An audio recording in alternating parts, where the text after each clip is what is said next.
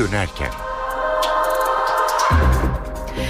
Mutlu akşamlar. NTV Radyo'da eve dönerken haberler başlıyor. Ben Özlem Sarıkaya Yurt. Türkiye ve dünyadan günün önemli gelişmeleriyle sizlerle birlikte olacağız. Öne çıkan haberlerin özetiyle başlıyoruz.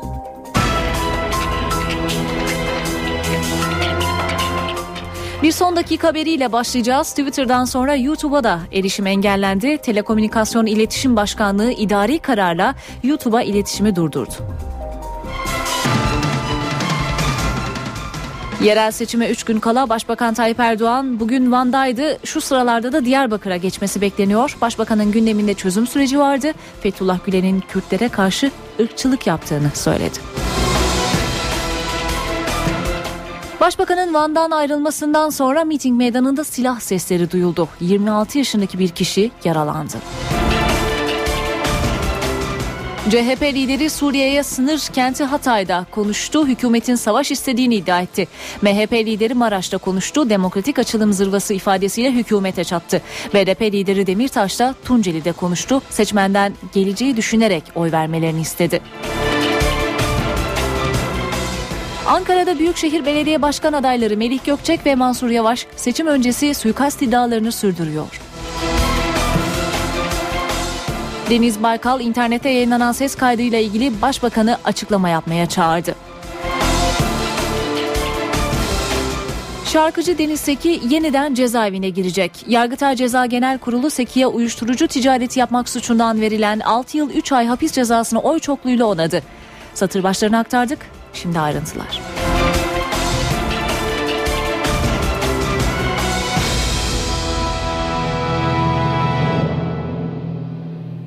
Az önce de söylediğimiz gibi bir son dakika gelişmesi var. Onunla başlayalım. Türkiye Twitter'a erişim yasağını konuşurken YouTube da kapandı. Telekomünikasyon İletişim Başkanlığı idari bir kararla YouTube'un erişimini de durdurdu. Kararların ayrıntılarını NTV Ankara İstihbarat Şefi Ahmet Ergen'den alacağız. Ahmet Twitter kararına ilişkin yürütmeyi durdurmak kararını henüz uygulamayan tip YouTube'u da kapattı. Bu konuyla ilgili ayrıntıları senden dinleyelim.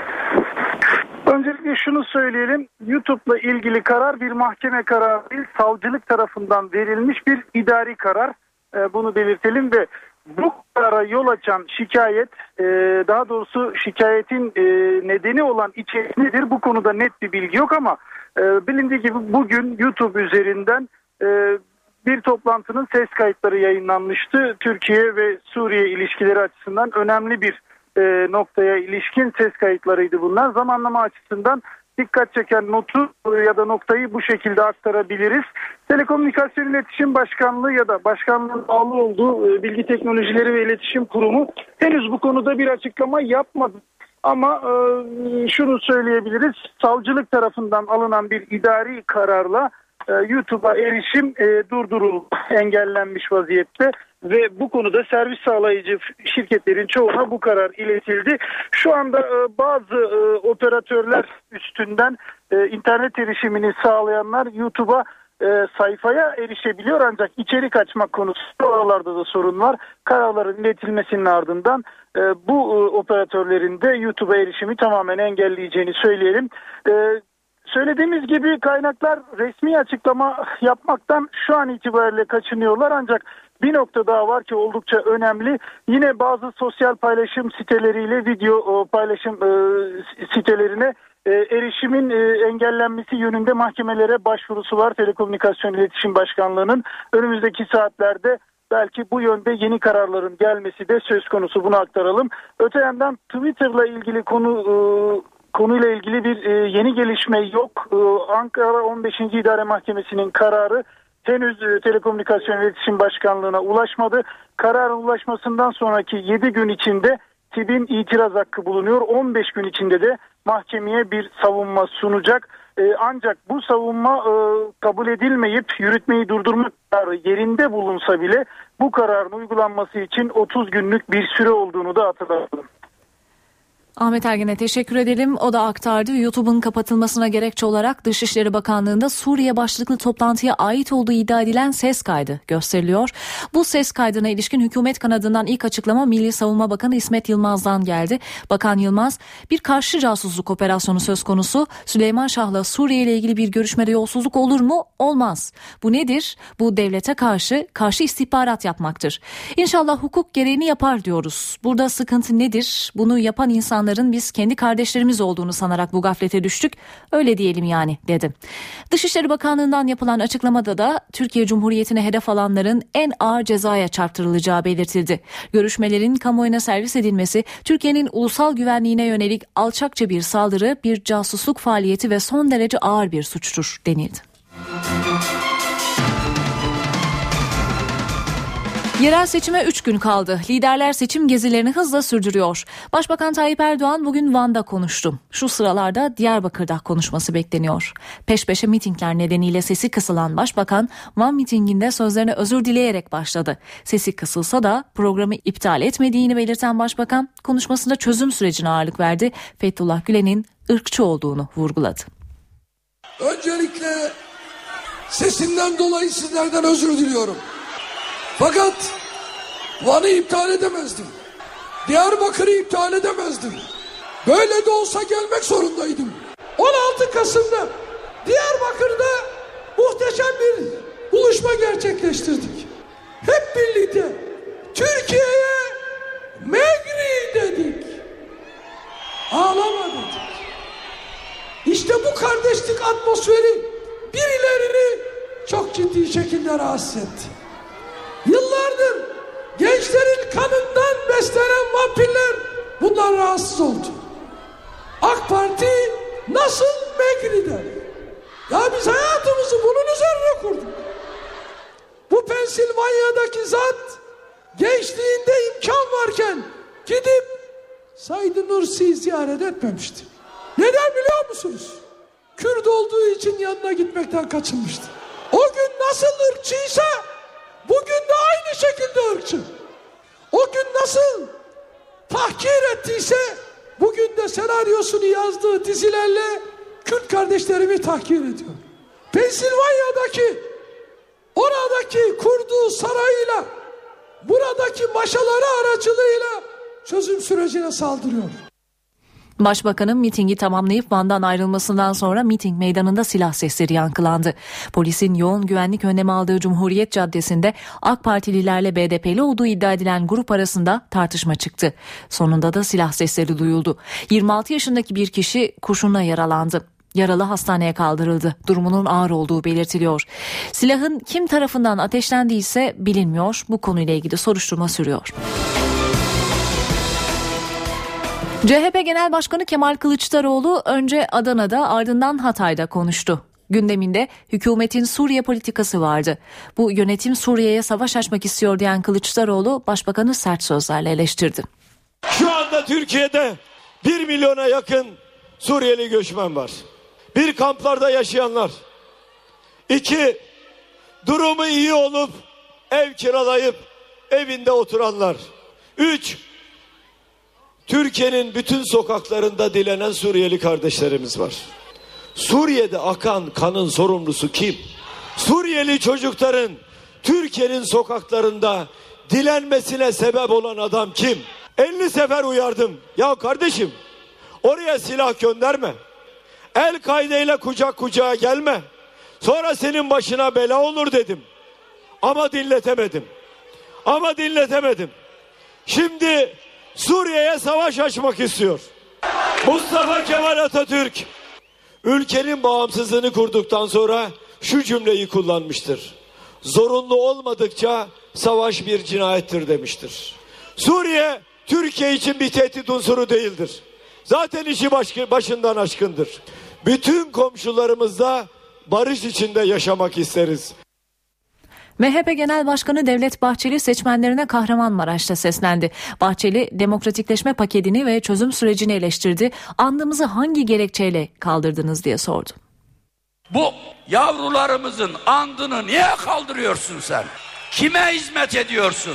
Türk'üm, doğruyum, çalışkanım, seni niye rahatsız ediyor? Dağda, bayırda, ovada, devlet dairelerinde bulunan ne mutlu Türk'üm diye sözünü niye siliyorsun?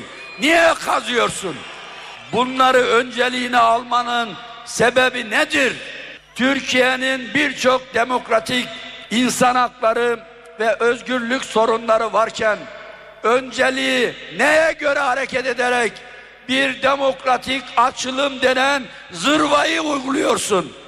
Türkiye'yi etnik temelli bölmek sana ne fayda getirecek? BDP eş başkanı Selahattin Demirtaş'ın bugünkü durakları Elazığ ve Tunceli.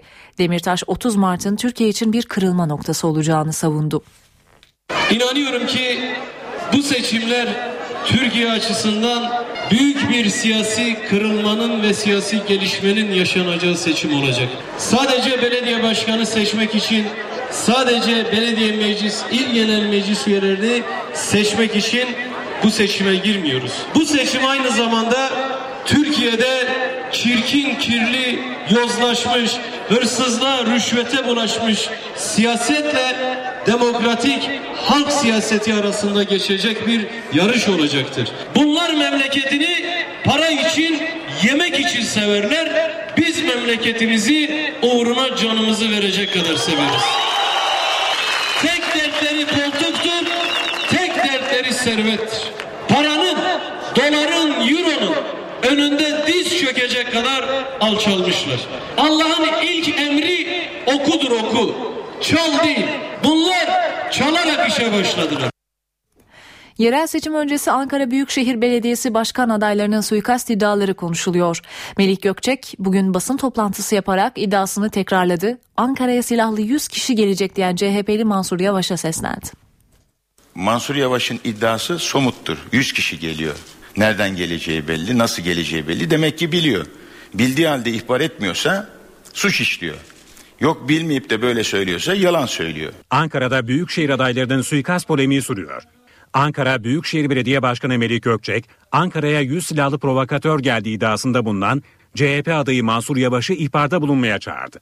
Gökçek kendisinin bazı siyasilere suikast düzenlenebilir iddiası içinde konuştu. Bugüne kadar siyasal tecrübelerime istinaden e, sağdan soldan aldığımız duyumlar e, neticesindedir. Ve insanları tedbire itecek olan bir olaydır. Somut olarak Ahmet, Mehmet, Ali veya Veli yapacak tarzında bir iş olsa zaten gider bunu ihbar ederim. Melih Gökçek, kendisini içki masasında gösteren fotoğrafların yer aldığı gazeteye de tepki gösterdi. Kendi kendimi bildim bileli ağzıma içki koymadım. Koysam da hiç çekinmem rahatlıkla söyleyebilirim. Benim kanser olduğum, insanlara özellikle hasta olduğum için oy verilmemeleri telkin ediliyor. Ben bir aile babasıyım. Benim eşim var. Benim eşim bu resmi gördüğü zaman, birileri böyle bir sual sorduğu zaman ne duruma düşeceğini düşünebiliyor musunuz? CHP adayı Yavaşsa yeni bir iddia daha ortaya attı. Kendisine ve yakınlarına kamu görevlilerinden fiili zarar verileceği yönünde bilgi aldıklarını savundu. İçişleri Bakanı Efkan Ala seçim öncesi provokasyon iddialarına karşı gereken tüm tedbirlerin alındığını açıkladı. Seçim el kitabı basılarak tüm güvenlik birimlerine hangi görevleri nasıl yapacaklarının anlatıldığını kaydeden İçişleri Bakanı Doğu ve Güneydoğu'da ise ekstra önlemler alındığını belirtti.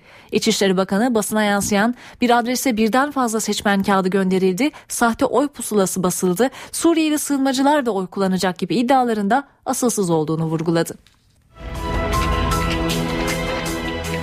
Yüksek Seçim Kurulu Başkanı Sadi Güven'dense bir uyarı geldi. Güven, görevlilerle birlikte vatandaşlarımız kasıtlı eylemleri nedeniyle seçim suçu işlemeleri durumunda yaptırımı ağır olan cezalarla karşı karşıya kalacaklardır ifadesini kullandı. Seçime günler kala projeler havada uçuşuyor. Dün çılgın projesini açıklayan İstanbul Büyükşehir Belediye Başkanı Kadir Topbaş bugün önceliği raylı ulaşıma vereceğini ve bölge parkları yapacağını anlattı. Yaptığımız kamu yoklamalarında birinci öncelikli sorun ulaşım ama memnuniyet de yine ulaşımdan. Yani diyor ki ulaşımı başarıyorsunuz, çözersiniz böyle bir algı var. Tabii ki daha çok yapacak işimiz var. Metrolar en önemli çözüm trafikte. E, çünkü çok daha fazla insan taşıyabiliyor. Daha medeni, daha hızlı bir ulaşım sistemi.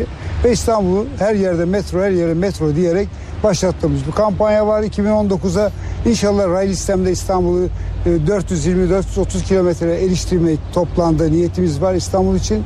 Daha sonra 776 kilometrelere doğru gidecek. Belki 800'ü bulabilir gelecekte. E, İstanbul'un bu yöndeki ulaşım beklentilerini, taleplerini dikkate alıyoruz. Topbaş'ın rakibi CHP İstanbul Büyükşehir Belediye Başkanı adayı Mustafa Sarıgül ise bugün yeni bir proje daha açıkladı. Sarıgül seçilirse 4. Levent'teki askeri bölge içerisindeki yeşil alanı şehir parkı yapacağını kaydetti. Milli Savunma Bakanlığı'na ait olan bir parktır. Milli Savunma Bakanlığı'na ait olan bu parkı İstanbul Büyükşehir Belediyesi olarak alacağız ve kent parkı olarak İstanbullularla buluşturacağız. CHP'nin İstanbul adayı Mustafa Sarıgül, İstanbul'un en büyük yeşil alanlarından birini askeriyeye ait 4. Levent'teki araziyi kent parkı yapacağını açıkladı. Burada yurttaşlarımız 24 saat spor yapabilecekler. Çünkü çalışanlar var ve burayı çok özel bir projeyle aydınlatacağız. Çok özel bir projeyle gece yurttaşlarımızın da spor yapmasını sağlayacağız. Sarıgül başkan seçilirse kamu arazilerinin korunacağını da söyledi. Bütün kamu kurum ve kuruluşlarındaki arazileri kesinlikle ve kesinlikle yeni yapılaşmasına izin vermeyeceğiz. İstanbul artık beton yığını haline geldi. İstanbul'da yeni yapılaşmaların olmaması lazım. Ardından CHP lideri Kemal Kılıçdaroğlu ile birlikte Beşiktaşlıları selamladı. Kısa bir ara ardından NTV Radyo'da haberleri aktarmayı sürdüreceğiz. Eve dönerken devam ediyor.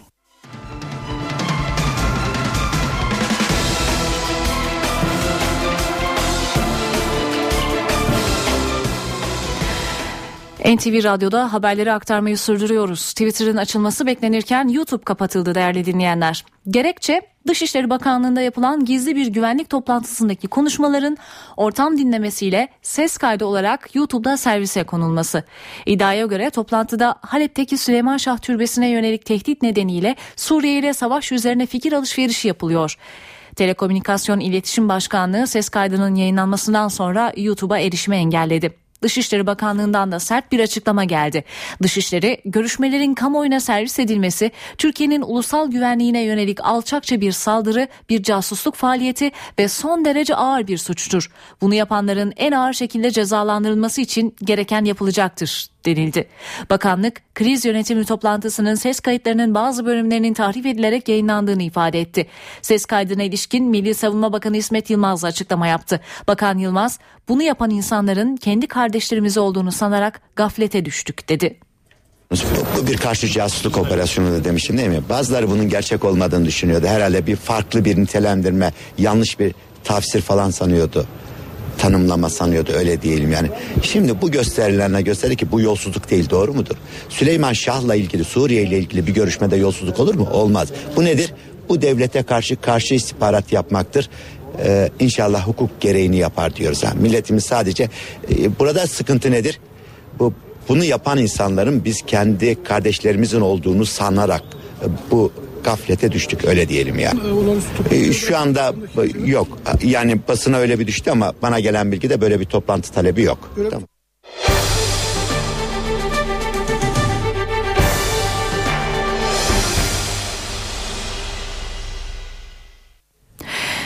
Suriye radarları bugün yine Türk savaş uçağını taciz etti. Genelkurmay Başkanlığı Türkiye-Suriye sınırında devriye uçuşu yapan F-16 uçağına Suriye füze sistemlerinin 14 kez tacizde bulunduğunu açıkladı.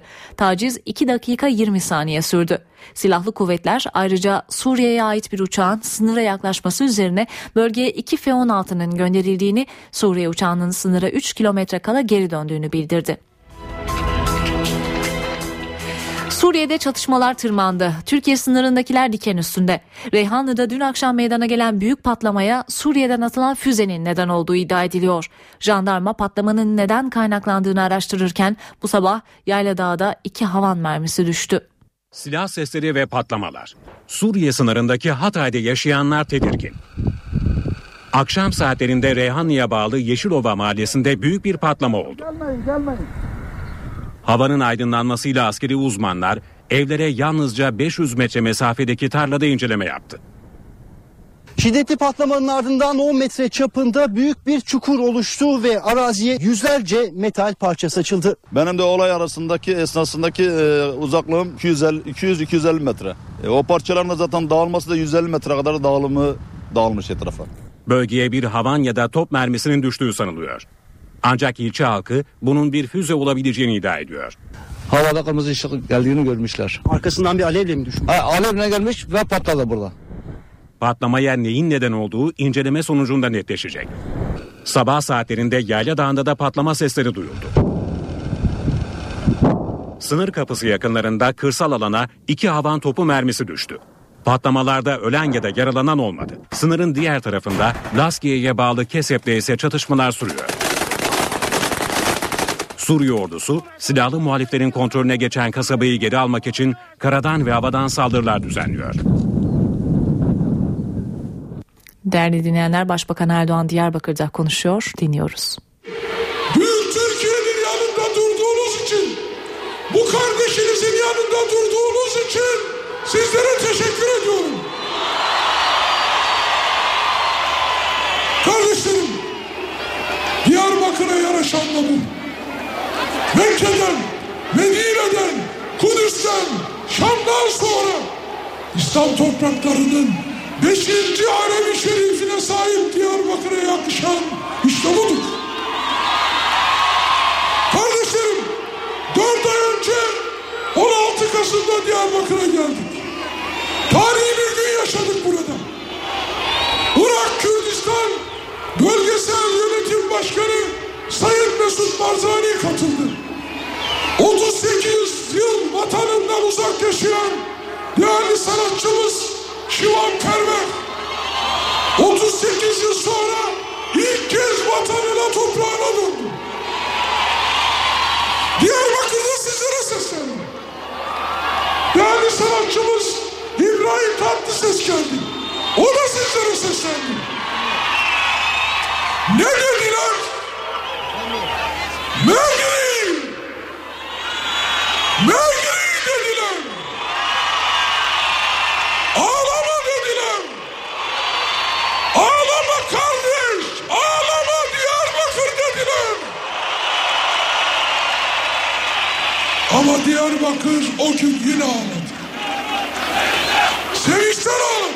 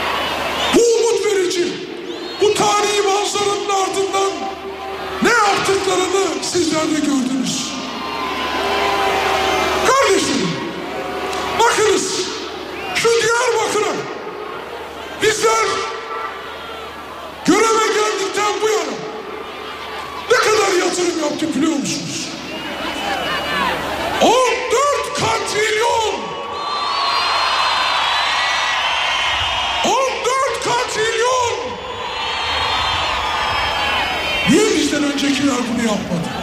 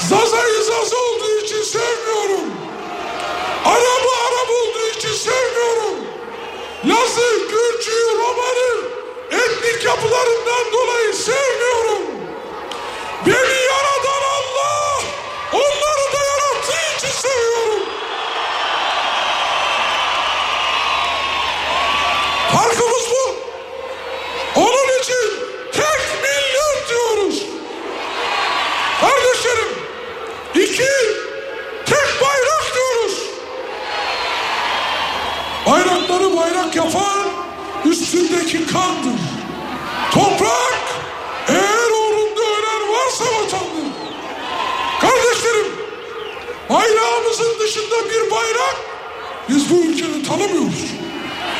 Tamam.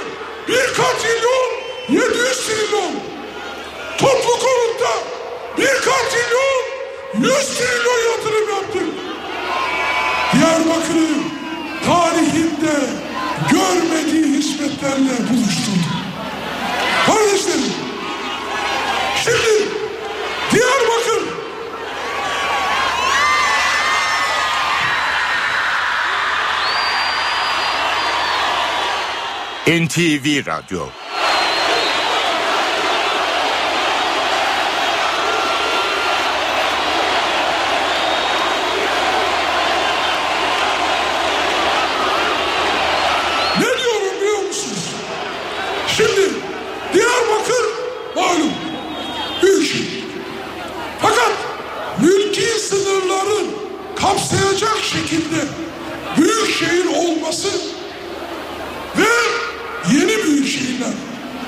kimler karşı çıktı biliyor musunuz? CHP.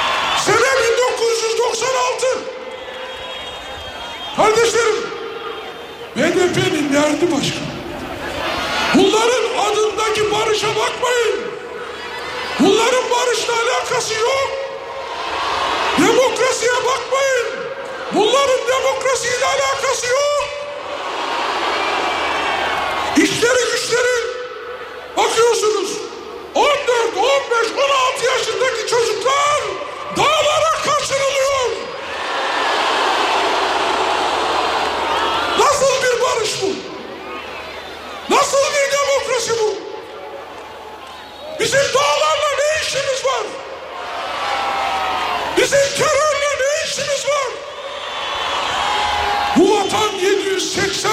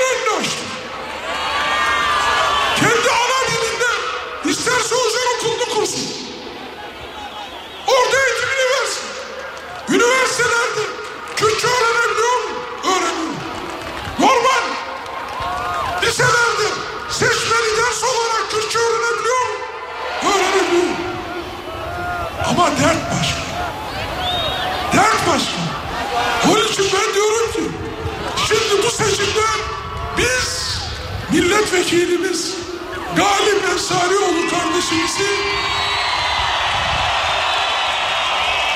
Galip Ensarioğlu kardeşimizi Diyarbakır için feda etmeye hazırlandım. Olsun dedim. Bir milletvekilimizi feda edelim. Diyarbakır için olsun dedim. Ki Diyarbakır hizmet görsün mısınız? Her belediye başkanlığı tecrübemin, deneyimimin, yanımdaki arkadaşlarımla beraber biz Diyarbakır'da harcamaya varız.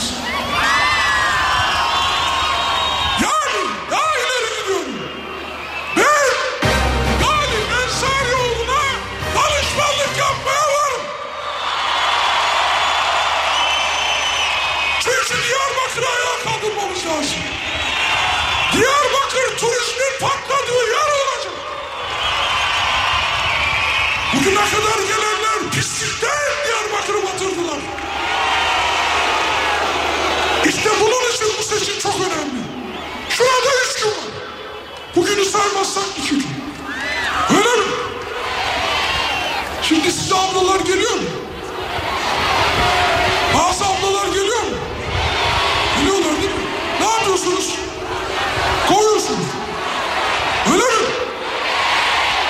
Kardeşlerim ben diyorum ki bizim ablalarımız burada.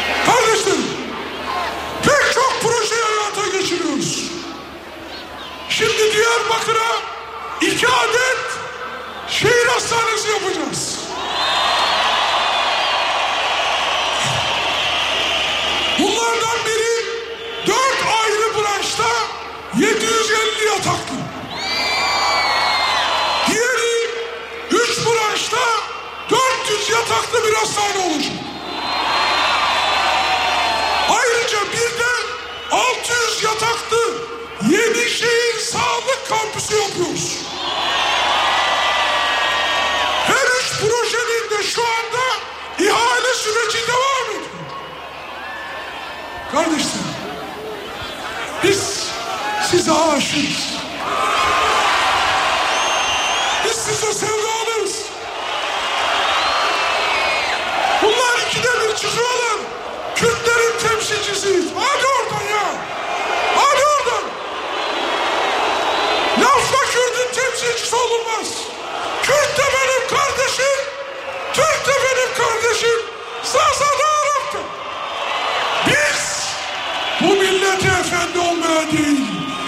Bekar olmaya geldik farkımız bu.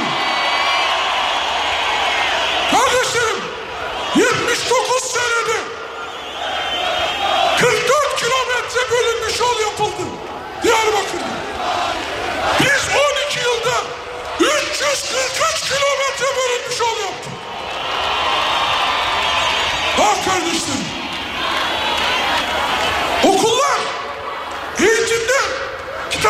ücretsiz alıyor musunuz? Üniversitelerde 45 lira burs veriyorlardı biz gelmeden önce. Şimdi biz 300 lira veriyoruz. 200 lira da beslenme yardımı 500 lira. Kardeşlerim ayrıca bütün bunlarla beraber barajlarımızla bütün ovaların sulanması noktasında attığımız adımlarla farklılık getirdik. Ama benim özellikle siz kardeşlerimden ricam şu. İstiyorum ki Diyarbakır değilsin. Diyarbakır HDP zihniyetiyle değişmez. Değişmez. Barış barış demekle barış gelmiyor. Bal bal demekle ağız tatlanmaz. Barışın gereği nedir? Silahların bırakılmasıdır. Bıraktılar mı? Bırakamadılar. Hala varsa yoksa da ne işin var senin dağlayan? Arkalarında da olmasa zaten yoklar. Onun için diyorum ki korkuyu korkutun.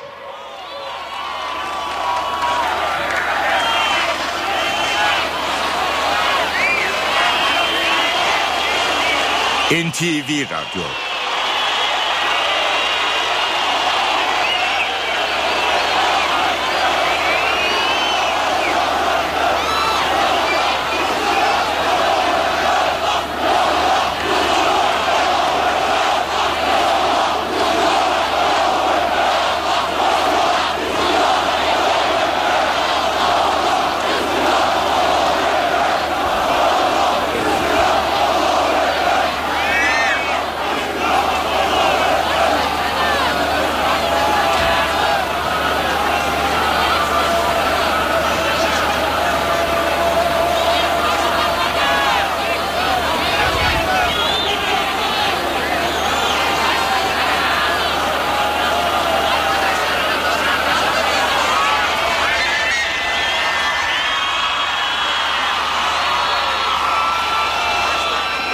NTV Radyo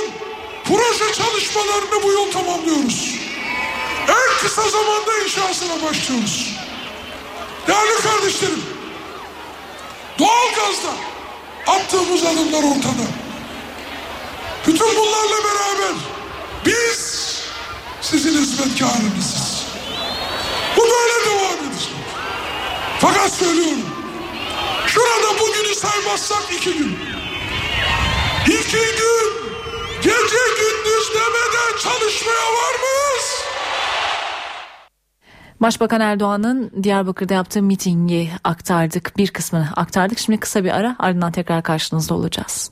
Eve dönerken devam ediyor. Saat 18 NTV Radyo'da eve dönerken haberler sürüyor. Günün öne çıkan haberlerinden satır başlarıyla başlıyoruz. Türkiye Twitter'a erişim yasağının kaldırılmasını beklerken YouTube kapandı. Gerekçe Dışişleri Bakanlığı'nda yapılan Suriye konulu güvenlik toplantısının ses kayıtlarının YouTube'da yayınlanması. Gerekçe ulusal güvenliğin tehdit edilmesi aynı zamanda. Dışişleri Bakanlığı ses kaydının montaj edilerek internette yayınlandığını, bunun casusluk olduğunu, en ağır şekilde cezalandırılacağını duyurdu. Ankara Cumhuriyet Başsavcılığı da soruşturma başlattı. Başbakan YouTube'da yayınlanan ses kaydına Diyarbakır'da sert tepki gösterdi. Bu kadar önemli bir görüşmeyi ortam dinlemesi yaparak kime servis ediyorsun bu alçaklıktır dedi. CHP lideri Kılıçdaroğlu ise Adana mitingindeki konuşması sırasında YouTube'a erişimin engellendiğini öğrendi. Başbakana bu ülkeye getirdiğin yasakların hesabını vereceksin diye seslendi. Ankara'da seçim öncesi suikast iddiaları konuşuluyor. İçişleri Bakanı Efkan Ala ise güvenlik ve huzurlu bir seçim ortamı için gerekli tüm tedbirler alındı dedi. Deniz Baykal internette yayınlanan ses kaydı ile ilgili başbakanı açıklama yapmaya çağırdı. Şarkıcı Deniz Seki yeniden cezaevine girecek. Yargıtay Ceza Genel Kurulu Seki'ye uyuşturucu ticareti yapmak suçundan verilen 6 yıl 3 ay hapis cezasını oy çokluğuyla onadı. Satır başlarını aktardık. Şimdi ayrıntılar.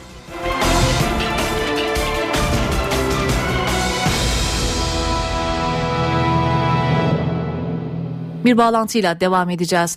Dışişlerindeki Suriye konulu güvenlik toplantısının ortam dinlemesiyle kaydedilip ses kaydının YouTube'dan servise konması güne damgasını vurdu. Ses kaydının yankısı sürerken kaydın servise konduğu YouTube kapatıldı.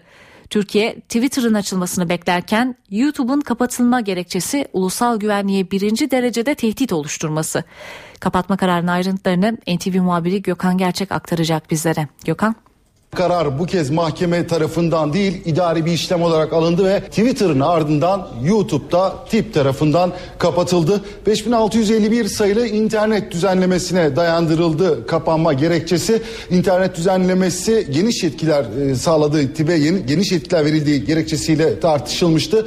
Bugün tarihli karar 27 Mart 2014 tarihli e, e, YouTube'a idari nedenlerle erişimin engellendiği belirtiliyor. TİB'in sayfasında YouTube youtube.com alan adına erişimi engelleme kararı verdi. Şu saat itibariyle YouTube'a girmek mümkün ancak e, bu karar e, internet erişimi sağlayan GSM operatörleri ve e, yine erişim sağlayan diğer operatörlere tebliğ edildi. Önümüzdeki saatlerde TİB'in kararının sadece TİB'in kararının YouTube'un sayfasında çıkması bekleniyor. YouTube'a erişim birkaç saat sonra ya da önümüzdeki dakikalarda engellenmiş olacak. Geçtiğimiz günlerde Twitter'a da e, yapılan itirazlar sonucu açılan davalar nedeniyle erişim engel en, engeli e, yapılmıştı. Tip tarafından Twitter sosyal paylaşım platformu Twitter'a erişim engellenmişti. Bu kez e, ses kayıtları ve bazı görüntülerin Twitter'da yayınlanmasının hemen ardından bu karar geldi ve Telekomünikasyon İlat, İletişim Başkanlığı 5651 sayılı yasayı gerekçe göstererek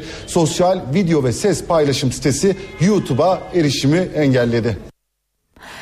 Başbakan Tayyip Erdoğan Diyarbakır mitingindeki konuşmasında dışişlerindeki güvenlik toplantısının dinlenip ses kaydının internete konmasına sert tepki gösterdi. YouTube'a yine bir şey düşündüler. Dışişleri Bakanlığı'nda ulusal güvenliğimizle ilgili Suriye'de Süleyman Şah saygı türbesi ile ilgili bir görüşme yapılıyor ve bu görüşmeyi bile YouTube'a düştüler. Bu ahlaksızlıktır. Bu adiliktir. Bu alçaklıktır. Bu namussuzluktur.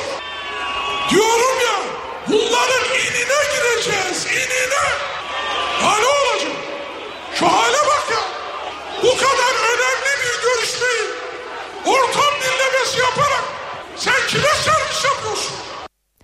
YouTube'un kapatılma gerekçesi az önce de aktardık. Dışişleri Bakanlığı'ndaki Suriye konulu toplantıdan ses kaydının yayınlanması. Dışişleri Bakanlığı yazılı bir açıklama yaparak çok sert tepki gösterdi. NTV muhabiri Deniz Kilislioğlu Dışişleri'nin bu açıklamasını aktaracak bizlere. Deniz. Evet, Dışişleri Bakanlığı öncelikle Türkiye'nin ulusal güvenliğine yönelik e, alçakça bir saldırı olarak nitelendirdi. Bu kayıtların sızdırılmasını bir casusluk faaliyeti ve son derece ağır bir suçtur ifadelerini kullandığı yazılı açıklamasında. E, bunu yapan ihanet şebekeleri devletimizin ve milletimizin düşmanlarıdır ifadesi de yer alıyor bakanlık açıklamasında.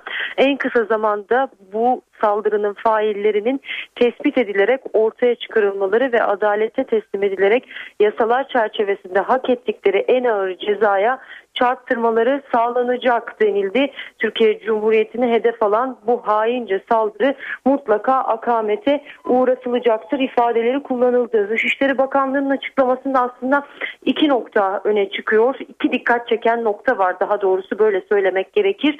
Öncelikle bu görüşmenin Dışişleri Bakanlığı'nın makamında yapıldığını anlıyoruz. Zira bakanlık açıklamasında e, bugün e, sızdırılan toplantının e, Dışişleri Bakanlığı makamında yapıldığı ifade ediliyor. E, açıklamanın satır arasında Dışişleri Bakanı makamı gibi devletin en hassas güvenlik konularının ele alındığı bir mekanda gerçekleştirilen çok gizli mahiyetteki böyle bir toplantının izlenerek görüşmelerin kamuoyuna servis edilmesi Türkiye'nin ulusal güvenliğine yönelik alçakça bir e, saldırıdır ifadeleri kullanıyor, kullanılıyor. Bir diğer taraftan ses kayıtlarında da bazı tahrifatlar yapıldığı da belirtiliyor. Sosyal medya aracılığıyla bazı bölümleri tahrif edilerek yayınlandığı görülmüştür deniliyor. Dışişleri Bakanlığı'nın açıklaması böyle. Dışişleri Bakanı Ahmet Davutoğlu da Kütahya'da mitingde konuştu. Çok kısa bir açıklama yaptı. Ee, bir, bu bir kuvayi milliye ruhudur dedi. Ama diğer taraftan Davutoğlu'nun yeni bir açıklama yapmasını bekliyoruz. Başbakan Erdoğan'ın Diyarbakır'daki konuşmasını tamamlaması bekleniyordu. Kısa bir süre içerisinde Davutoğlu'ndan da ilk açıklama gelecek. Ee, sorulara yanıt verecek Davutoğlu. CHP lideri Kemal Kılıçdaroğlu bugün Hatay ve Adana'da konuştu. Adana mitingindeki konuşması sırasında YouTube'a erişimin engellendiğini öğrenen Kılıçdaroğlu, Başbakan'a bu ülkeye getirdiğin yasakların hesabını vereceksin diye seslendi. Arkadaşlar bir not getirdiler. YouTube'a en, ulaşım engellenmiş. Yeni bir yasak gelmiş. İstediğin kadar engel getir. Kenan Evren getirdi. Görüyorsunuz sonunu. Sen de bu ülkeye getirdiğin yasakların hesabını vereceksin. YouTube'a erişim engellendi. Peki Twitter ne olacak? Ankara 15. İdare Mahkemesi'nin Twitter'a erişim engeli için verdiği yürütmeyi durdurma kararı henüz Telekomünikasyon İletişim Başkanlığı'na ulaşmadı bile. İşte Twitter için işleyecek prosedürün ayrıntıları. Twitter'a erişim engelinin kalkması bir ayı bulabilir. Ankara 15. İdare Mahkemesi'nin Twitter'a erişim engelini kaldırmasının ardından uygulanacak prosedüre göre durum böyle. Gözler şimdi Telekomünikasyon İletişim Başkanlığı TİB'de. Mahkeme kararı henüz TİB'e ulaşmış değil. Ancak kararın gerekçesi Barolar Birliği internet sitesinden öğrenildi. Buna göre tip karara 7 gün içinde itiraz edecek, 15 gün içinde de Ankara 15. İdare Mahkemesi'ne savunma sunacak. Savunmada engellemenin hukuki dayanağına yer verilecek. Bu sürede Twitter erişime kapalı kalacak. TİB'in itirazı reddedilip 15. Daire Mahkemesi'nin kararı yerinde bulunsa bile yürütmeyi durdurma kararının uygulanması 30 gün içinde sağlanacak. Başbakanlık Kamu Diplomasisi Koordinatörlüğü 1 Ocak 2014'ten 20 Mart 2014 tarihine kadar Twitter'la ilgili TİB'e 27'si mahkeme kararı ve 300 savcılık talebi olmak üzere 30 talep ulaştığını bildirdi. Bu talepler üzerine tip tarafından Twitter'a 643 bildirimde bulunuldu. 5 adli karara konu olan internet adresinin sitede yer almadığı tespit edildi. Ancak kurum bu sitelerin Twitter tarafından mı kapatıldığı yoksa kullanıcılar tarafından mı kaldırıldığının tespit edilemediğini bildirdi. Deniz Baykal'ın CHP Genel Başkanlığından istifasına neden olan kaset 3 yıl sonra yeniden gündemde. İnternette yayınlanan ses kaydında o kasetin sızdırılması talimatı verdiği iddia edilen başbakan iddiayı yalanladı. Deniz Baykal ise başbakandan açıklama beklediğini tekrarladı. Ortada çok ciddi bir durum var. Karşı karşıya bulunduğumuz manzara üstü örtülebilecek, yok sayılabilecek bir manzara değil. Çok önemli, e, çok ciddi e, bir e, tabloyla karşı karşıyayız. Bu durum karşısında gerçeğin ortaya çıkmasını sağlamak zorundayız. Ortada bir iddia var.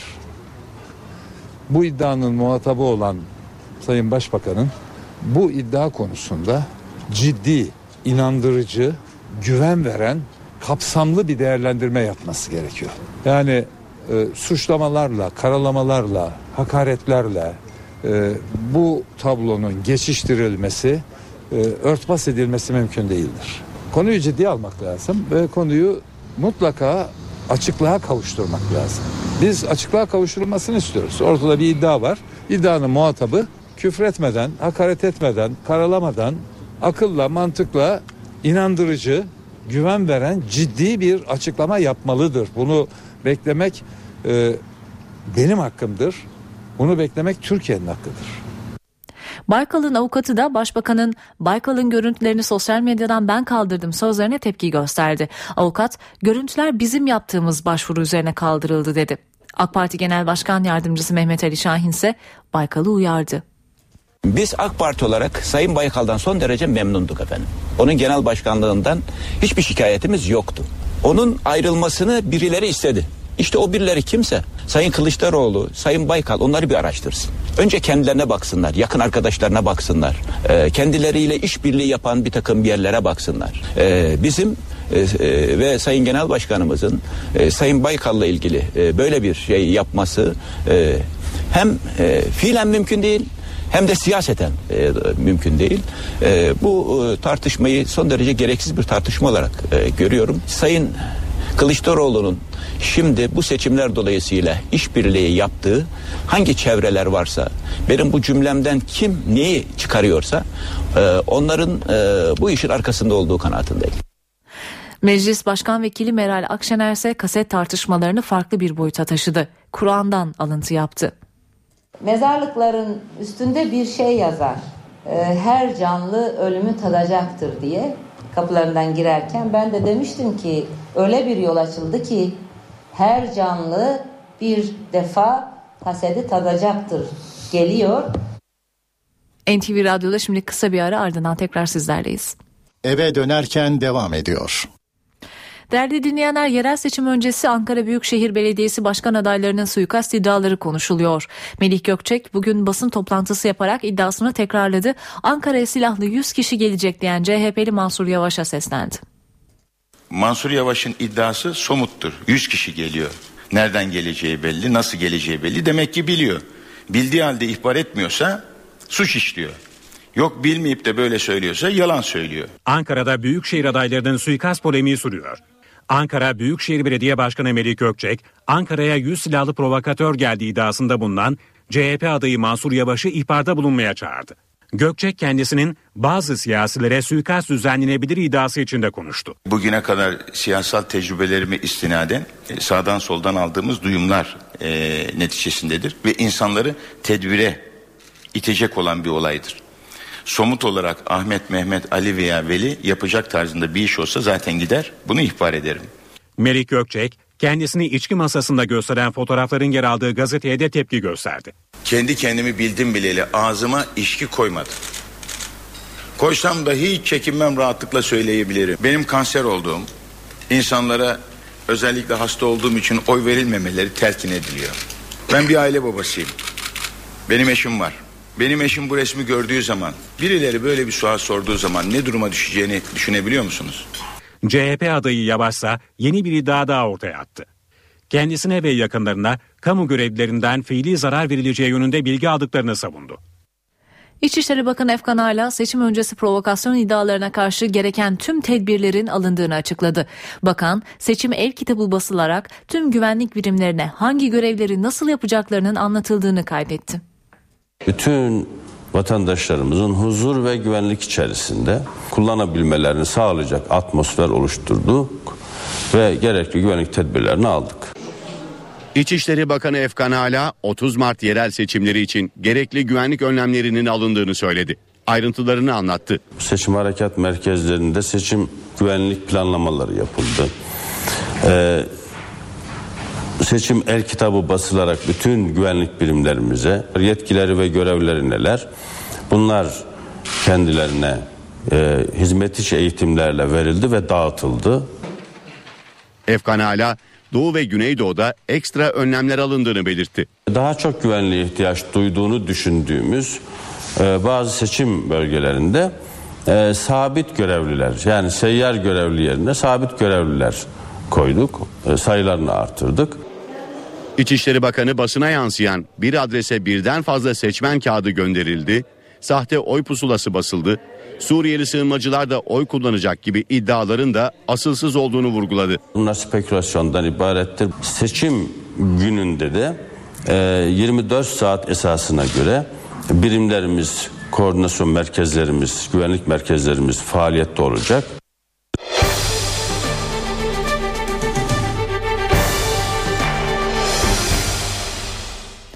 Şarkıcı Deniz Seki yeniden cezaevine girecek. Yargıtay Ceza Genel Kurulu Deniz Seki'ye uyuşturucu ticareti yapmak suçundan verilen 6 yıl 3 ay hapis cezasını oy çokluğuyla onadı. İstanbul 9. Ağır Ceza Mahkemesi'nin kararını Yargıtay 10. Ceza Dairesi bozmuş, Yargıtay Cumhuriyet Başsavcılığı ise itiraz etmişti. Yargıtay Ceza Genel Kurulu Başsavcılığın itirazını haklı buldu. Yerel mahkemenin Deniz Seki'ye verdiği 6 yıl 3 ay hapis cezasını onadı. Daha önce 7 ay cezaevinde kalan Deniz Seki şimdi yeniden cezaevine girecek. Şırnak'ta izinsiz gösteri düzenleyen grubun attığı molotof kokteyli bir otomobile isabet etti. 3 emniyet mensubu yaralandı. Atılan molotofla Bekçi Nurettin Bal'a ait otomobil alev aldı. Araçta bulunan iki bekçi ve bir polis yaralandı. Polis memuru Zeynep Özçelik'in durumu ağır. Özçelik ambulans uçakla Gülhane Askeri Tıp Akademisi'nde kaldırıldı. Yaralı iki bekçinin durumunun ise iyi olduğu açıklandı. Diyarbakır'ın Silvan ilçesinde çıkan olaylarda başından yaralanan 10 yaşındaki Mehmet Ezer yoğun bakımdan çıkarıldı, servise alındı. Doktorlar sağlık durumunun iyi olduğunu bildirdi. Çocuğun polisin attığı biber gazı kapsülüyle yaralandığı iddiasıyla ilgili de İçişleri Bakanlığı'nın görevlendirdiği iki müfettiş bugün Silvan'da incelemelere başladı. 10 yaşındaki çocuk Silvan'da BDP mitinginin ardından polisin göstericilere müdahalesi sırasında yaralanmıştı. Okul bahçesindeki foseptik çukurunun üstü açık bırakıldı. 9 yaşındaki bir çocuk o çukura düşerek can verdi. Aile okul yönetimi hakkında suç duyurusunda bulundu. İl Milli Eğitim Müdürlüğü de olayla ilgili soruşturma başlattı. Yapılacak tek şey vardı buranın üstünün örtülmesi olmasıydı yani. Bir okul içinde foseptik çukurunun örtülmesi lazımdı yani. Kayseri'de okulun bahçesindeki foseptik çukurunun üstü kapatılmadı. 9 yaşındaki Yunus düştüğü çukurda yaşamını yitirdi. Kepez İlköğretim Okulu 2. sınıf öğrencisi Yunus Mert Şahin okul bahçesinde oyun oynuyordu. Bahçenin ortasındaki üzeri açık çukura düştü. Küçük çocuk çevredekilerin yardımıyla çıkarıldı ancak kurtarılamadı. Topun arkasına boşmuş. Kurtarılmadı yani. İçine bir arkadaş girdi ipinen. Aradılar üç kişi hatta. Bir kişi o, zaten o zaman da çocuk rahmetli olmuş. Baba Mithat Şahin tepkili oğlunun ölümünden okul yönetimini sorumlu tutuyor. Kül dökmüşler. Kalorifer kazanın dairesinin külünü. Burada külü döküyor. Neden diyorum ağzını kapatmıyorum. Kapatmıyorsun. Aile olayla ilgili suç duyurusunda bulundu. İl Milli Eğitim Müdürlüğü de okul yöneticileri hakkında soruşturma başlattı. Sivas'ta 24 yaşındaki öğretmen derste kalp krizi geçirdi ve hayatını kaybetti. Seda Akal, Sivas'ın Koyulhisar ilçesindeki Çamlıyaka İlkokulu'nda görev yapıyordu. Eşi Kocaeli'de çalışan genç öğretmen 6 ay önce öğretmenliğe atanmıştı. Birkaç gün önce göğüs ağrısı şikayetiyle doktora giden ancak muayenede sorun bulunmayan genç öğretmen ileri tetkik planlıyordu. Bu nedenle babasını da çağırdı ancak yetişemedi. Derste rahatsızlanıp yere yığılan öğretmen çağrılan ilk yardım ekiplerinin müdahalesine rağmen kurtarılamadı. Seda öğretmen bugün okulundan törenle memleketi Kocaeli'ye son yolculuğuna uğurlandı. Öğretmenin ölümü nedeniyle ilçede eğitime bir gün ara verildi.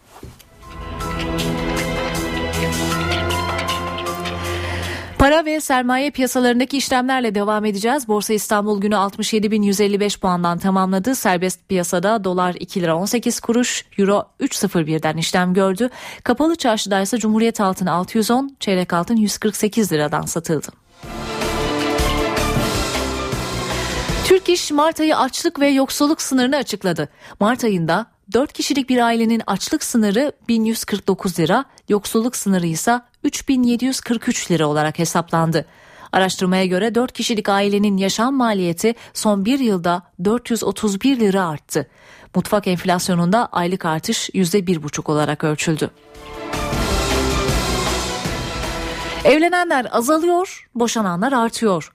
Geçen yıl yaklaşık 125 bin çift boşandı. NTV muhabiri Melike Şahin, avukat Cengiz Hortoğlu ve psikiyatrist Hakan Karaş'la neden evliliklerin azaldığını, boşanmaların neden arttığını konuştu. Boşanma hızı giderek artıyor. Türkiye İstatistik Kurumu verilerine göre oran geçen yıl %1,6 arttı, 125 bin çift boşandı. Demek ki tanımadan evleniyoruz aslında. Bu kararı e, hayatı beraber devam ettirmek için değil de sadece evlilik kurmak için tırnak içinde yani usuleten yapıyoruz ve boşanmaya gidiyoruz. Gençler daha tahammülsüz iki taraf da öyle. Bence tamamen maddi sebeplerden diye düşünüyorum ama ben 24 yıllık evliyim. Allah'a çok şükür evlenmek bana göre de biraz şans yani. Bu bir kumar açıkçası.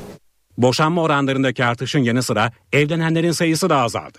Aldatma, ekonomik nedenler, şiddet, tahammülsüzlük önemli nedenlerden birisi. Aşık oldum, evlendim. E, yarın da canım sıkıldı, boşandım diye bir grup var. Her dört evlilikten birisinin e, boşanma nedeninde internetin etkili olduğunu mesela saptadık biz. Uzmanlara göre boşanma oranlarındaki artışın nedeni ekonomik durumla bağlantılı. Kadınlar da gittikçe tabii ki ekonomik bağımsızlıklarını artırdığı ölçüde boşanmaların artması e, anlaşılır bir şey. Evlilik aynı zamanda bir e, ekonomik işbirliği, bir iletişim bozukluğu. Karşıdaki kişinin eşin hayatına saygı göstermeme ve o sınırları muhafaza edememe e, gibi bir e, süreç bir söz konusu olabiliyor. 2013 yılında boşanma hızının en yüksek olduğu il %2,70'te Antalya oldu. Antalya'yı İzmir'i ve Muğla izledi. Boşanma hızının en düşük olduğu il ise %0,14'le Hakkari oldu. Amerika Birleşik Devletleri'nde yapılan araştırmayla ikinci dil bilmenin maaşı ne kadar arttırdığı belirlendi. Ayrıca hangi yabancı dillerin prim yaptığı da hesaplandı. Dinleyelim. İkinci bir dil bilmek gelirinizi ne kadar artırır? Amerika Birleşik Devletleri'ndeki MIT Üniversitesi araştırmasına göre Amerikalıların %25'i az da olsa ikinci bir dil bildiklerini iddia ediyor. İnanışa göre bu durum iş bulmayı da kolaylaştırıyor. İşin parasal katkı boyutuysa Amerika Birleşik Devletleri'nde son derece sınırlı. Araştırmaya göre ikinci dilin maaşa katkısı ortalama yüzde iki. Bu oran seçilen dile göre değişebiliyor. Almanca bilmenin maaşa katkısı %3,8 olurken Fransızcanın %2,7, İspanyolcanın ise %1,4. Diğer bir deyişle yıllık maaşı 40 bin dolar olan bir çalışan İspanyolca biliyorsa ekstra 800 dolar, Almanca biliyorsa yılda 1520 dolar daha fazla kazanıyor. Araştırmada ana dili İngilizce olmayan ülkelerde düşünülmüş. Buna göre İngilizce bilmenin getirisi ülkeden ülkeye değişiyor. Yapılan hesaplamalara göre İngilizce bilmek çalışanın maaşına ortalama %10 ila 20 oranında katkı sağlıyor. Eşinin kredi borçlarından şikayetçi olan bir kadın mahkemeye başvurdu ve istediği kararı aldırdı. Ankara 11. Aile Mahkemesi aileyi korumak amacıyla kocaya bankadan kredi çekme ve kredi kartı kullanma yasağı getirdi. Kocasının kredi ve kredi kartı borçlarından usandı mahkemeye gitti. 11. Aile Ceza Mahkemesi de eşinin talebi üzerine kocaya kredi çekme ve kredi kartı alma yasağı koydu. Eşlerden birisinin şunu deme hakkı yok. Ya bu benim bireysel özgürlüğüm. Ben istersem bin lira kazanırım ayda beş bin liralıkta giderim borçlanırım deme hakkı yok. Çok aldıysa kredi kadın da başına bela açmıştır herhalde doğru. Mahkemeye başvurur musunuz bunun için? Sanmıyorum ya herhalde sanmıyorum ama ikna ederim. İkna olmazsa da bulurum yapacak bir şeyler herhalde. Güzel bir şey yapmış aslında. Eşini başka şekilde engelleyemezdi. Yoksa evini ocağını batırırdı. Eşimle halledemiyorsam mahkemeyle sonuçlandırmaya çalışırım. Peki karar emsal teşkil eder mi? Başka davalarda da örnek olarak kullanılabilir. Gidip mahkeme, aile mahkemesine bir dilekçe verebilir. Ee, bunları anlatabilir. Der ki işte böyle böyle ailemiz bu nedenle bir sıkıntıya giriyor. Gereken özenin gösterilmemesi ailede büyük bir sıkıntı yaşatıyor deyip ekonomik anlamda bir takım önlemler alınmasına talep edebilir. Tasarruf yetkisinin sınırlanmasıdır bu. İstatistikler kredi kartı borçlarının evlilikleri sarstığını ortaya koyuyor. Aile ve Sosyal Araştırmalar Genel Müdürlüğü'nün yaptığı araştırmaya göre 10 çiftten 7'si kredi borcu yüzünden sıkıntı yaşıyor. Kadınların %40'ı da kart borcu yüzünden her gün eşiyle tartışıyor. Türkiye Gazeteciler Cemiyeti'nin başarı ödülleri açıklandı. NTV'den iki isim övgüye değer bulundu. Gazeteci Mete Çubukçu pasaport programının Kıbrıs, Kayıp Kişiler bölümüyle, muhabir Burcu Aydın ise suça itilmiş çocuklar dosyasıyla ödül aldı. Gazetecilik dalında Akşam Gazetesi'nden Süleyman Şen, Cumhuriyet Gazetesi'nden Özcan Yaşar, Habertürk Gazetesi'nden Sultan Uçar, Hürriyet Gazetesi'nden Celal Demirbilek, Radikal Gazetesi'nden Ömer Erbil, Sözcü Gazetesi'nden Uğur Dündar, Zaman Gazetesi'nden Bünyamin Köseli haberleriyle ödül alırken 21 foto muhabirinin gezi eylemlerini yansıtan kareleri de ödüle değer görüldü. Saat 18.30 NTV Radyo'da eve dönerken haberlere devam ediyoruz. Öne çıkan haberlerin satır başlarını hatırlatalım. Türkiye Twitter'a erişim yasağının kaldırılmasını beklerken YouTube kapandı. Gerekçe Dışişleri Bakanlığı'nda yapılan Suriye konulu güvenlik toplantısının ses kayıtlarının YouTube'da yayınlanması. Ulusal güvenliğin bu şekilde tehdit edilmesi. Dışişleri Bakanlığı ses kaydının montaj edilerek internette yayınlandığını, bunun casusluk olduğunu, en ağır şekilde cezalandırılacağını duyurdu. Ankara Cumhuriyet Başsavcılığı da soruşturma başlattı. Başbakan YouTube'da yayınlanan ses kaydına tepki gösterdi. Bu kadar önemli bir görüşmeye ortam dinlemesi yaparak kime servis ediyorsun bu alçaklıktır dedi. CHP lideri Kılıçdaroğlu ise başbakana bu ülkeye getirdiğin yasakların hesabını vereceksin diye seslendi. Radyo Televizyon Üst Kurulu illegal dinleme ile ilgili haberlere yayın yasağı getirdi. Arama motoru Google'dan da açıklama geldi. Google, YouTube erişimin engellendiği haberlerini inceliyoruz dedi.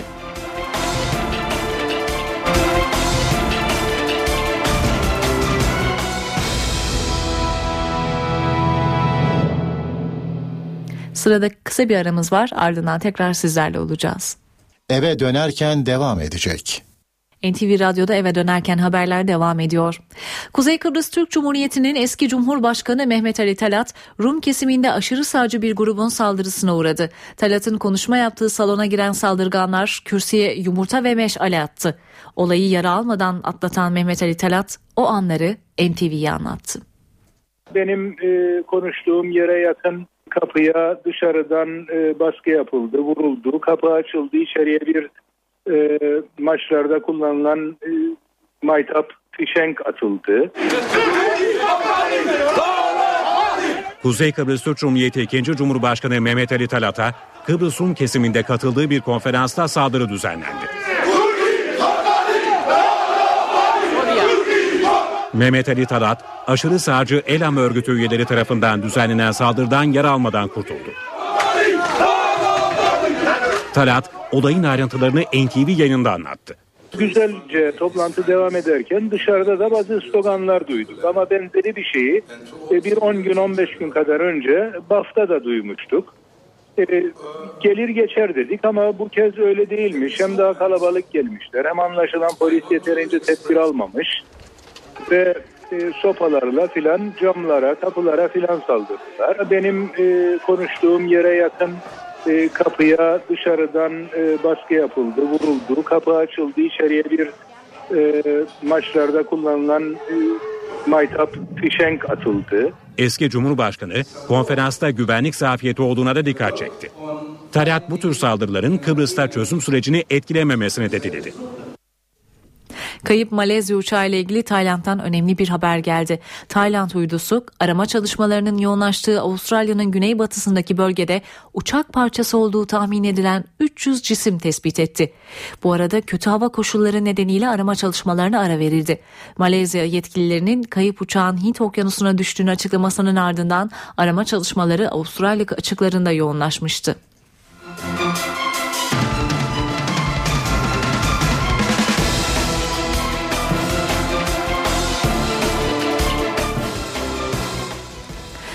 Ukrayna siyasi krizin ardından Uluslararası Para Fonu IMF ile anlaştı. IMF Ukrayna'ya 14 ila 18 milyar dolar arasında kredi verecek. Anlaşmanın icra direktörleri kurulu tarafından Nisan'da onaylandıktan sonra yürürlüğe girmesi bekleniyor. Ukrayna'ya sağlanan uluslararası yardım toplamı önümüzdeki 2 yılda 27 milyar dolara ulaşmış olacak. Değerli dinleyenler Suriye toplantısının ses kaydının yayınlanması ile ilgili olarak Dışişleri Bakanı Davutoğlu bir açıklama yapıyor dinliyoruz. İse aziz milletimizin bekası ise e, bu konuda tedbir almak e, hükümetimizin devletimizin bütün birimlerinin e, bir görevidir. Bir ülkenin sınırlarının ihlal edilmesi, son uçak olayında gördüğümüz gibi nasıl bir ülke için güvenlik tehdidi, tehdidiyse ve tedbir alınmasını gerektirirse aynı şekilde Milli Güvenlik Kurulu'ndan aldığı yetkilerle ve Başbakanımızdan aldığı talimatlarla kurulmuş olan bir kriz masası yönetimi ki içinde devlet güvenlik birimlerimizin en üst yetkileri vardır. Benim başkanlığımda müsteşarımızın e, Dışişleri Müsteşarımızın Genelkurmay ikinci Başkanımızın ki o anda ilgili birimlerimizin bütün temsilcileriyle birlikte bu toplantı sonrasında da Süleyman Şah Türbesi'ne dönük olarak alınabilecek askeri tedbirler, güvenlik tedbirleri ele alınmıştır. Şimdi e, bu saldırıyı gerçekleştirenlerin hedefi açıktır. Bu saldırıyı gerçekleştirenler Türkiye Cumhuriyeti'ni, devletini zaaf içinde gösterme çabası içindedirler.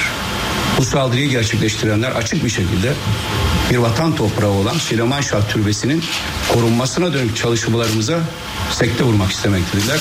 Ve hatta oradaki askerlerimizin güvenliğiyle ilgili ciddi bir tehdit oluşturmuş bulunmaktadırlar. Türkiye Cumhuriyeti Devleti güçlü bir devlettir.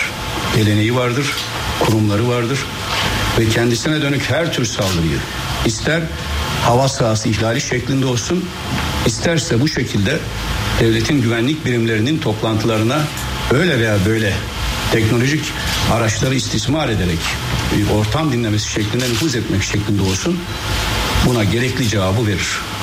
Kimse Türkiye Cumhuriyeti Devleti'nin geleceğiyle, istikbaliyle, istiklaliyle ve aziz milletimizin huzuruyla oynama cüretine yönelmemelidir. Bu konuda kamuoyumuzun olayı sükunetle ve bilinçle, şuurla değerlendirmesini bekliyoruz. Hiç kimse tereddüt içinde olmasın ki bu saldırıyı gerçekleştirenler en açık ve net tavrı göreceklerdir. Bu tür çabalar akamete uğrayacaktır. Ee, devletimizin ve milletimizin bekası anlamında bütün kurumlarımız gerekli her türlü tedbiri alacaktır. Tekrar e, milletimize ve bütün vatandaşlarımıza hangi siyasi görüşten olursa olsun bütün vatandaşlarımıza şunu ifade etmek isteriz ki bu ülkenin ve devletin itibarı hepimizin itibarıdır. Bu ülkenin güvenliği hepimizin güvenliğidir. Bu tür e, gayri kanuni bir şekilde ve açık bir casusluk faaliyetini e, andıracak tarzda yapılan çalışmalar devletimizin güvenliğine dönük bir saldırı mahiyetindedir ve gerekli görülen her türlü tedbir alınmak suretiyle bu saldırıyı yapanlar en şiddetli şekilde cezalandırılacaklar ve faaliyetler akamete uğratılacaktır. Saygıyla bütün milletimizi e, hayırlı akşamlar diliyorum. Çok teşekkürler. Dışişleri Bakanı Ahmet Davutoğlu'nun konuşmasını aktardık değerli dinleyenler. Devam edelim akışımızda. Japonya'da 46 yıldır idam edilmeyi bekleyen mahkumun masum olma ihtimali ortaya çıktı. Yeni DNA kayıtları üzerine yeniden yargılanmasına karar verilen mahkum masum olma ihtimali güçlü olunca ömrünün 46 yılını ölüm cezası ile geçirdiği cezaevinden salı verildi. Mahkum 46 yıl sonra yeniden yargılanacak. 1968'de patronu ve 3 kişilik ailesini öldürmekten idam cezasına çarptırılan Iwao Hakamada'nın yeni ortaya çıkan DNA kayıtları sayesinde suçsuz olduğu ihtimali belirdi. Mahkeme bu deliller çerçevesinde yeniden yargılama kararı aldı. Yargıç 78 yaşındaki Hakamada'nın yeniden yargılama sonuçlanana dek serbest kalmasına da hükmetti. Hakamada 20 gün süren sorgusunda suçunu itiraf etmiş ancak işkence nedeniyle verdiğini söylediği ifadeyi mahkemede geri çekmişti. 81 yaşındaki ablası Akamada'nın yeniden yargılanması için yıllardır mücadele veriyordu. Hepsi sizin desteğiniz ve yardımınız sayesinde oldu. Tek söyleyebileceğim gerçekten çok mutluyum. Tutuklandığında 30 yaşında olan Akamada'nın dünyanın en uzun süre hapiste kalan idam mahkum olduğu belirtiliyor. Dünyada idam cezası yeniden yükselişte. Uluslararası Af Örgütü'nün raporuna göre 2013 yılında idam cezalarının infazında %15 artış oldu. Bunda İran ve Irak'taki infazlarda ciddi artış olmasının etkili olduğu kaydediliyor. Listede ilk sırada Çin yer alıyor. Çin'i İran, Irak, Suudi Arabistan ve Amerika takip ediyor. Resmi rakamlara göre geçen yıl 22 ülkede toplam 778 kişi idam edildi. Amerika Birleşik Devletleri Başkanı Barack Obama Katoliklerin ruhani lideri, lideri Papa Francis ile ilk kez Vatikan'da bir araya geldi. Sıcak geçen görüşmede ruhani meselelerden çok gelir adaletsizliği konuşuldu. Görüşmede Obama Papa'ya hayranlığını dile getirdi. Vatikan'daki kalabalık bu kez Papa Francis'i değil Amerika Birleşik Devletleri Başkanı Barack Obama'yı görmek için toplandı. Başkan Obama 50 araçlık bir konvoyla Vatikan'a çıkarma yaptı. Barack Obama Katolik Kilisesi'nde görkemli bir törenle karşılandı. İlk kez bir araya gelen ikilinin görüşmesi yaklaşık bir saat sürdü. Görüşmede ruhani meselelerden çok gelir adaletsizliği konuşuldu. Obama yoksullukla mücadelesinden ötürü Papa Francis'e teşekkür etti. Kendisinin büyük hayranı olduğunu dile getirdi. Obama'ya Dışişleri Bakanı John Kerry ile birlikte kalabalık bir heyette eşlik etti. Ziyaret sonunda karşılıklı hediyeler sunuldu. Obama, Papa Francis'e Beyaz Saray'a ekilen organik meyve sebze tohumlarından oluşan bir sandık getirdi. Papa Francis ise Obama'nın jestine madalyon ve dini bir metinle karşılık verdi. Obama, Vatikan'daki temaslarının ardından Roma'da İtalya Cumhurbaşkanı ve Başbakanıyla da bir araya geldi. NTV Radyo'da eve dönerken haberlerde şimdi kültür sanat diyeceğiz. Günün etkinliklerinden bir derleme sunuyoruz. Saat başına yeniden birlikte olacağız. Eve dönerken devam ediyor. NTV Radyo'da eve dönerken haberler devam ediyor. Saat 19 öne çıkan başlıklarla devam ediyoruz. Ankara'da yapılan Suriye konulu bir toplantıya ait olduğu ifade edilen ses kaydı internete sızdı. Gündem bir anda değişti. Başbakan Erdoğan YouTube'da yayınlanan ses kaydına tepki gösterdi. Bu kadar önemli bir görüşmeyi ortam dinlemesi yaparak kime servis ediyorsun? Bu alçaklıktır dedi. Dışişleri Bakanı Ahmet Davutoğlu ortam dinlemesi Türkiye Cumhuriyeti'ne karşı savaş ilanıdır. Bunu yapanlar en ağır şekilde cezalandırılacak dedi. Ankara Cumhuriyet Başsavcılığı da casusluk suçlaması çerçevesinde soruşturma başlattı. Radyo Televizyon Üst Kurulu ise illegal dinleme ile ilgili haberlere yayın yasağı getirdi. Kaydın yayınlanmasının ardından YouTube sitesine erişim Telekomünikasyon İletişim Başkanlığı'nın idari kararıyla durduruldu. Karara tepki gösteren CHP lideri Kılıçdaroğlu Başbakan'a bu ülkeye getirdiğin yasakların hesabını vereceksin diye seslendi. Başbakan Erdoğan'ın Van'daki mitinginin ardından gerginlik çıktı. AK Partililerle BDP'liler arasındaki kavgada bir kişi silahla yaralandı.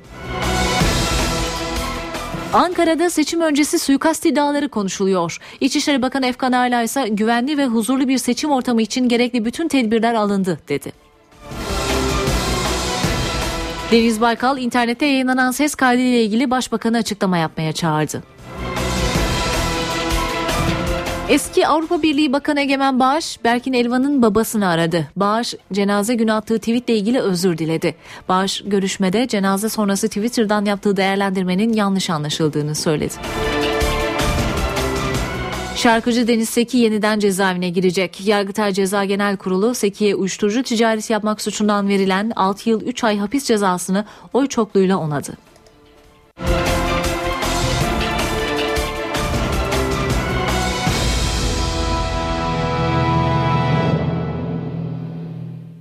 İstanbul yollarındaki trafik durumuyla devam edeceğiz. Özellikle Boğaziçi Köprüsü'nde Anadolu Avrupa'dan Anadolu'ya geçişte bir yoğunluk göze çarpıyor. Trafik durma noktasında tersi yönde ise yoğun akıcı bir trafik var. Fatih Sultan Mehmet Köprüsü'nde yine Anadolu'dan Avrupa'ya geçişte sıkıntı söz konusu. Tersi yön nispeten daha iyi görünüyor an itibariyle. NTV Radyo'nun yayını kısa bir aranın ardından Cem Dizdar ve Gürcan Bilgiç'in yorumculuğunu yaptığı Çift Forvet programıyla devam edecek.